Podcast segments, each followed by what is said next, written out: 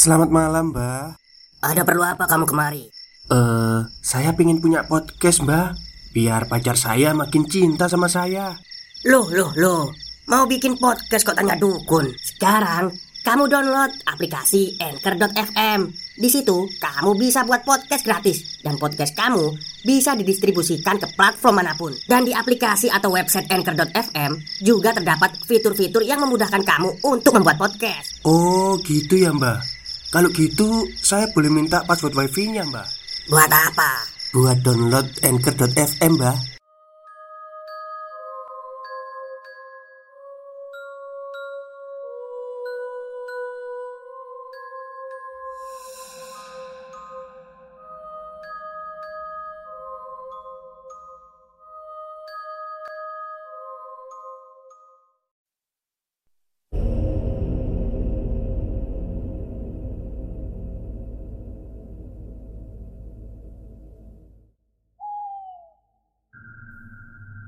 Assalamualaikum warahmatullahi wabarakatuh. Halo semuanya, jumpa lagi dengan saya Chow Sing Sing Kurator dari podcast Horror Night Story. Halo apa kabar semuanya? Semoga kalian semua sehat-sehat ya.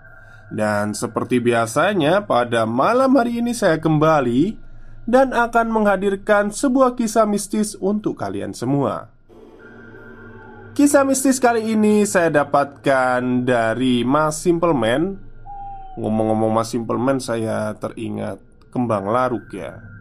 Ini Kemarin itu saya cek itu ternyata udah upload lagi. Tapi kemungkinan uh, Baru besok saya bisa menceritakannya. Dan ini kisah malam ini nih Ya tetap Mas Simple Man tapi cerita yang lain Oke, daripada kita berlama-lama, mari kita simak ceritanya. Ketika manusia berada di dalam batas dua dunia, saya tidak bisa menampik sepanjang hidup saya. Saya sudah pernah beberapa kali mengalami gangguan gaib yang entah sudah keberapa kali saya alami mulai dari gangguan biasa sampai gangguan yang sampai membutuhkan campur tangan pertolongan orang lain. Mulai dari sosok anak kecil yang tidak terima karena binatang kesayangannya nyaris saya tangkap, sampai hantu wanita yang dulu sempat mampir di kehidupan saya, meminta saya, tapi sampai saat ini saat saya menulis tulisan ini, ada bagian dari diri saya yang lain yang masih menolak hal ini. Dunia lain atau apa yang disebut dunia gaib masih terlalu tabu bagi saya. Saya sendiri sudah tidak asing dengan ini. Sampai akhirnya saya mendapatkan jawaban dari seseorang Beliau menyebut apa yang saya alami ini dengan sebutan padur di mana batas dua dunia dipertanyakan Bila saya menyelam ke dalam ingatan masa lampau saya, saya jadi mengingat satu kenangan di mana itu adalah pertama kali saya mulai bersentuhan dengan hal gaib. Ya, saya masih ingat betul saat melihat wanita mengenakan pakaian putih berambut panjang sedang berlutut membelakangi. Ini sedikit menggelitik, tapi sungguh membuat merinding, terutama bila memikirkan bahwa apa yang saya lihat adalah saat di mana matahari masih di atas kepala, siang hari. Tak hanya itu saja, saat saya sedang bersama kawan lain lebih dari lima anak. Jadi, apakah hantu benar-benar muncul di waktu malam atau siang hari? Rumah saya berjarak tak jauh dari kuburan. Di depan rumah saya ada lahan luas, lahan milik Burombe. Kalian tahu siapa dia? Dari lahan Burombe bisa melihat langsung ke arah gerbang kuburan tempat saya melihat wanita misterius itu. Saya yang pertama melihat lantas berhenti Mematung memandang ke sosok misterius itu Untuk membenarkan Apakah yang saya lihat itu Benar-benar saya lihat Saya lalu memanggil sepupu saya Bertanyalah saya kepadanya Iku opo yo? Sepupu saya juga melotot Bingung. Akhirnya kami melihat bersama-sama Dan ada keinginan untuk mendekatinya. Serius Waktu itu saya sudah berjalan perlahan-lahan mendekat. Mungkin karena penasaran Tapi untungnya saat itu sepupu saya menghentikan. Dia lebih memilih memanggil Simbah Kakek saya yang kebetulan sedang berkebun di samping Akhirnya, pergilah saya ke kakek bersama sepupu saya. Kami memaksa orang tua yang cukup renta itu untuk ikut melihat ke sosok wanita yang membelakangi kami tepat di area kuburan. Saat kami menunjukkan itu kepada beliau, sosok itu hilang lenyap, benar-benar tidak ada di tempatnya. Aneh, saya dan sepupu bengong Dan kakek ngedumel Marah Bilang kalau kami sedang mengerjainya. Saya bertanya ke sepupu Untuk membenarkan apakah penglihatan saya menipu. Sepupu hanya melihat dan menjawab Apa yang saya lihat juga dia lihat. Tapi Bagaimana mungkin Sosok misterius itu Secara cepat bisa menghilang. Entahlah, sampai sekarang tiap saya ingat hal itu antara geli dan tidak habis pikir. Lalu, semakin dewasa saya masih mencoba berpikir secara rasional. Meski pengalaman saya dengan dunia seperti itu semakin banyak, di sinilah saya bertemu dengan Bono seseorang yang akan saya ceritakan hari ini. Pertama kali saya kenal dengan Bono karena teman saya, seorang perempuan, rekan kerja yang sedang dipelet oleh seorang laki-laki. Teman saya berkata bahwa sudah satu minggu dirinya merasa aneh, merasa setiap malam dia melihat ada seorang wanita tua yang berdiri di depan jendela kos Tak hanya itu saja, saat dia di kamar mandi, terkadang dia merasa diawasi. Sesuatu memandanginya dari atas celah genteng. Wujudnya menyerupai sosok berbalut kain kafan dan memiliki bau yang busuk. Busuk sekali. Namun, setiap dia di samping lelaki sebut saja Doni, dia merasa aman Teman saya hanya berkata, "Antarkan saya ke sini." Saat itu waktu menunjukkan hampir tengah malam. Saya merasa aneh. Tidak biasanya anak itu seperti ini. Karena kasihan, akhirnya pergilah saya menjemput dia. Dan sampai di depan kos miliknya, saya melihat dia menangis. Setelah itu dia meminta saya agar segera pergi tanpa memperhatikan apa yang ada di dalam kamarnya Ya, saya menurut saja Saat motor mulai melaju, iseng saya melihat ke belakang di mana pintu kos tidak ditutup olehnya. Di sana saya melihat seseorang berdiri. Itu adalah dia.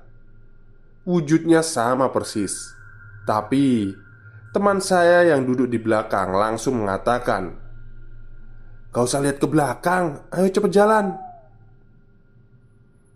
Selama perjalanan saya tidak bicara sama dia Badan saya masih merinding, bingung Yang saya bonceng ini sebenarnya siapa? Setelah menempuh kurang lebih dua jam perjalanan Sampailah kami di sebuah rumah yang sederhana Rumah biasa dua lantai Teman saya turun Lalu mengetuk pintu Memanggil nama Om Saya cuma lihat, mencoba mencerna di mana ini sebenarnya. Akhirnya keluarlah lelaki berkumis tebal, paruh baya. Di sini anehnya, entah bagaimana ceritanya, mungkin teman saya sudah menghubungi sebelumnya lewat WA. Karena lelaki paruh baya yang kami temui sepertinya tahu kedatangan kami. Yang lebih aneh lagi, saat menyuruh kami masuk di mana dia memanggil nama teman saya. Sebut saja Mita dan juga nama saya. Orangnya seperti bapak-bapak pada umumnya. Tidak ada yang istimewa darinya. Saya hanya dia mendengarkan sedangkan Mita mulai menceritakan apa yang terjadi kepadanya.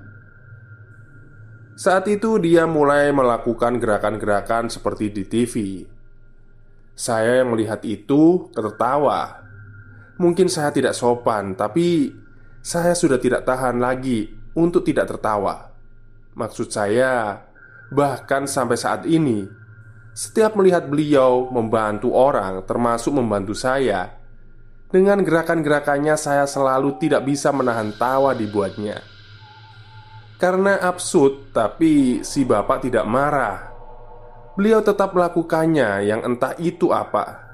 Setelah melakukan hal itu, bapak itu bilang dan mengatakan kalau di sekitar tempat kosnya ada yang menanam kain kafan diisi segenggam tanah kuburan, di mana di dalamnya diisi dengan rambutnya Mita.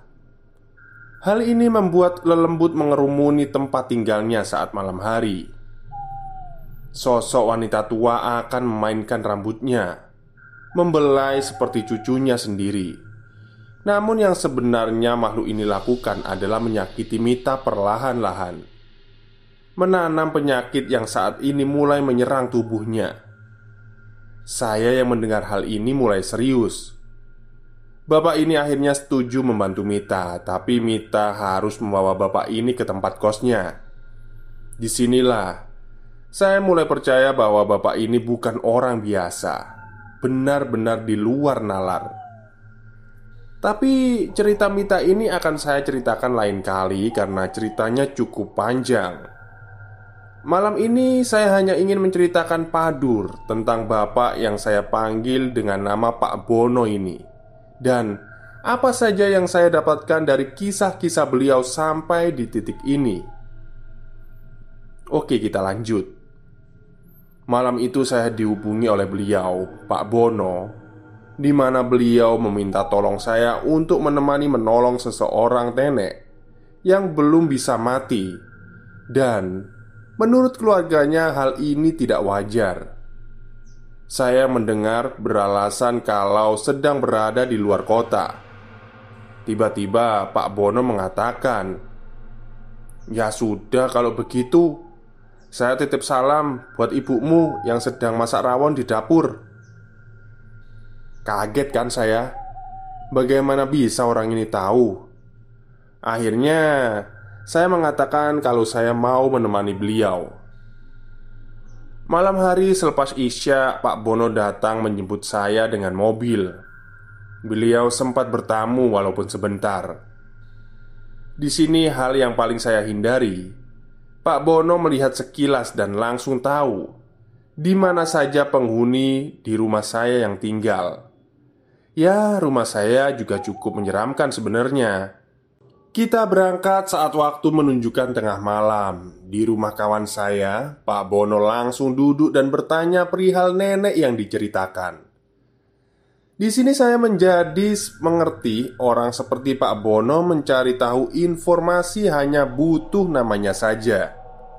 Lalu dia tahu semuanya. Semua bahkan saat si nenek masih muda Mulai dari sifatnya yang nakal Sampai masa saat dia pernah menikah Lebih dari lima kali. Di sini Saya benar-benar kagum Tapi juga ngeri.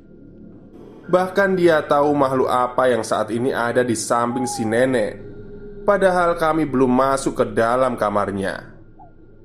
Di sini juga saya tahu ternyata cara beliau menolong itu menggunakan minyak wangi. Jadi, ada lima jenis minyak wangi yang dia bawa dan semuanya punya nama. Sialnya saya nggak hafal karena sedikit berbahasa Arab, tapi ada juga yang berbahasa Jawa. Nah, dari sini kita mulai sedikit serius. Sambil bercanda dengan tuan rumah, saya memperhatikan Om Bono mengoleskan telapak tangannya dengan satu botol kecil dari lima minyak yang dia bawa. Dioleskan begitu saja. Harumnya langsung memenuhi ruangan.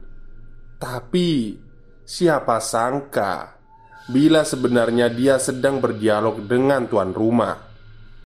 Stop, stop. Kita break sebentar. Jadi gimana? Kalian pengen punya podcast seperti saya? Jangan pakai dukun, pakai Anchor.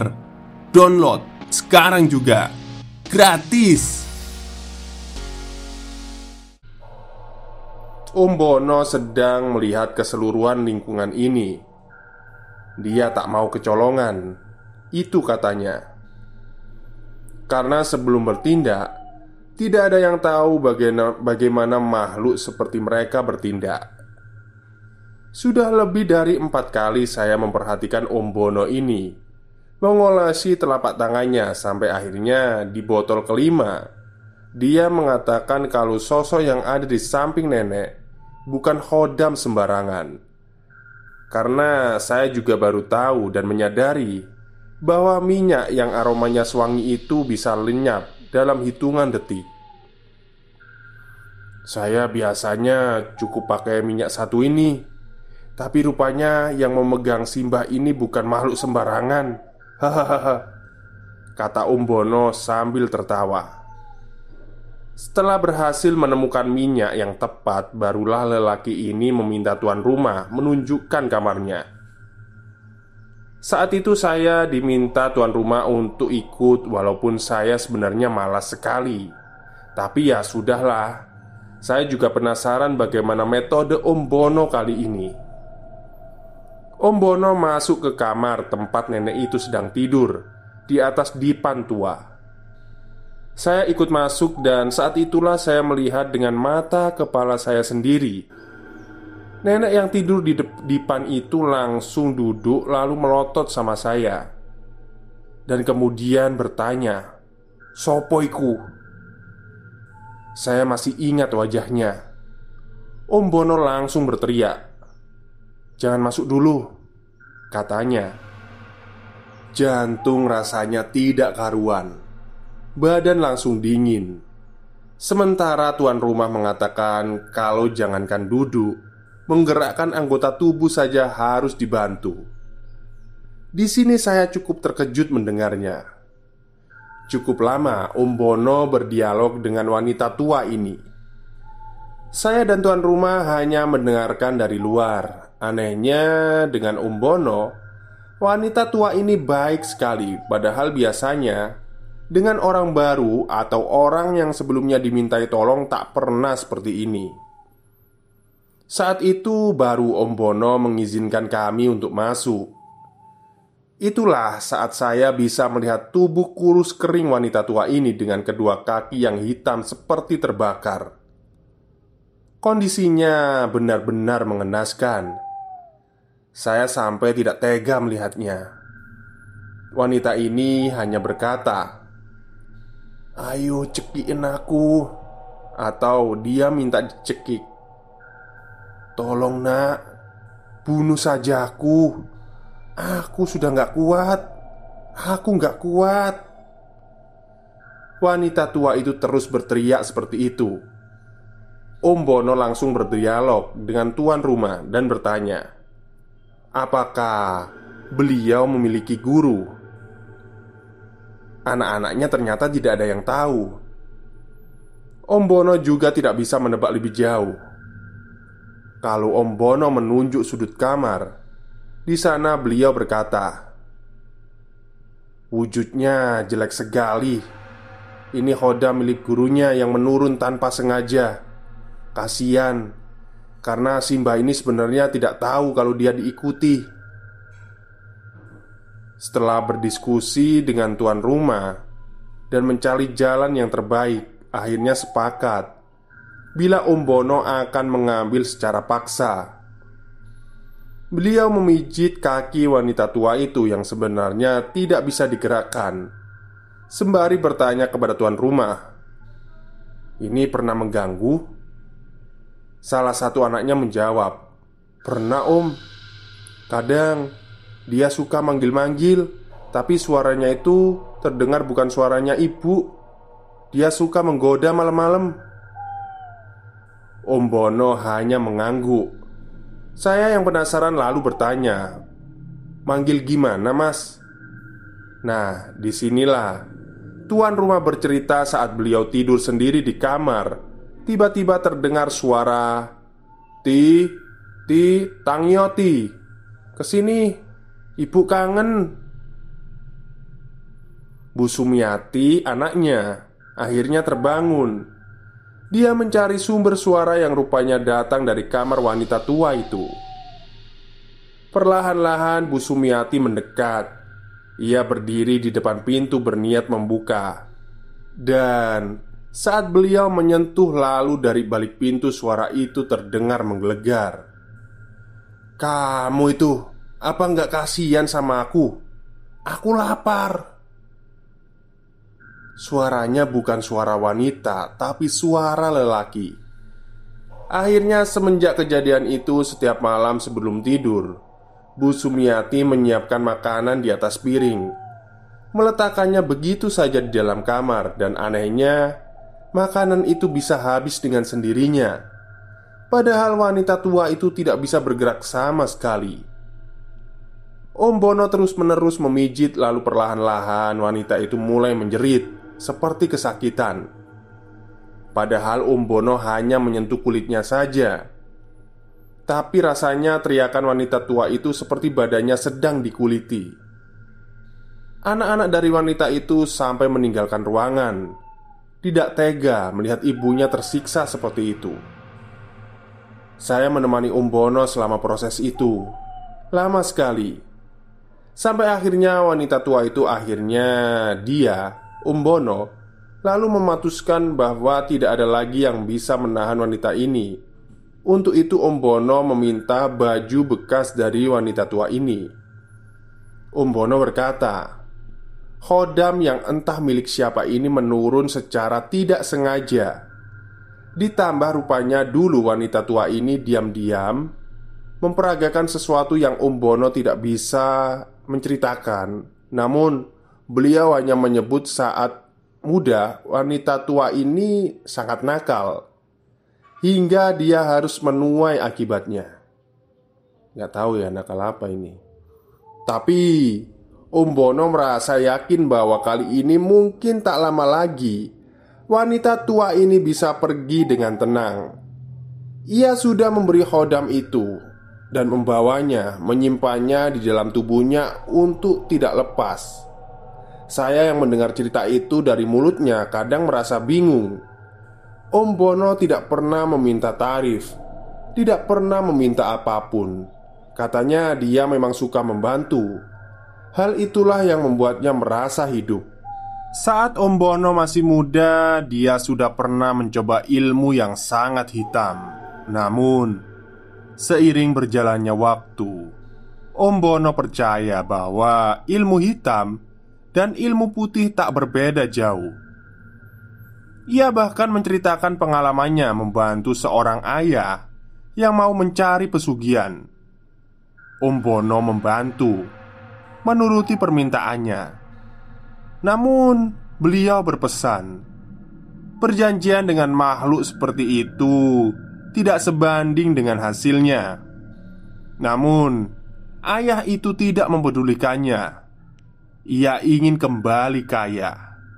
Saat itulah Om Bono menyadari bahwa manusia tidak lebih dari makhluk yang tidak tahu apa-apa dari luasnya dunia yang bisa dilihat dan tidak dilihat. Ayah yang meminta pesugihan itu menjerit, melolong nyaris gila saat akhirnya menolak pesugihan itu setelah diperlihatkan apa yang harus dia bayar. Di mana di dalam semedinya dia melihat anak perempuannya dicabik-cabik oleh buaya. Tulang belulangnya disisakan untuk si ayah sebagai ganti harta yang bisa diberikan. Tapi itu adalah kisah masa lalu Om Bono. Sekarang beliau memilih bekerja di pabrik obat, sembari sesekali membantu orang. Jujur, Om Bono ini adalah salah satu orang yang paling saya hormati. Selain bisa menjadi sosok kebapakan, beliau juga bisa menjadi sosok teman. Banyak sekali pengalamannya tentang dunia. Tulisan ini saya buat untuk menghormatinya. Kalau di luar sana nanti, pasti masih banyak orang-orang baik yang tidak serta-merta menggunakan ilmunya untuk keburukan, seperti lelaki ini. Mungkin malam ini sampai di sini dulu ya cerita tentang beliau.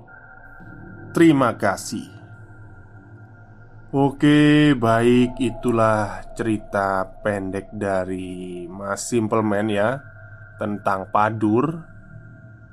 Padur itu jadi kalau di sini pengertiannya itu eh, manusia yang berada di batas dua dunia ya, dunia nyata dan dunia gaib lah ya. Si Bono. Nama si Bono itu mengingatkan saya pada sesuatu ya. Tapi entahlah, lupa saya. Oke, mungkin itu saja yang bisa saya sampaikan pada malam hari ini. Kurang lebihnya saya minta maaf. Wassalamualaikum warahmatullahi wabarakatuh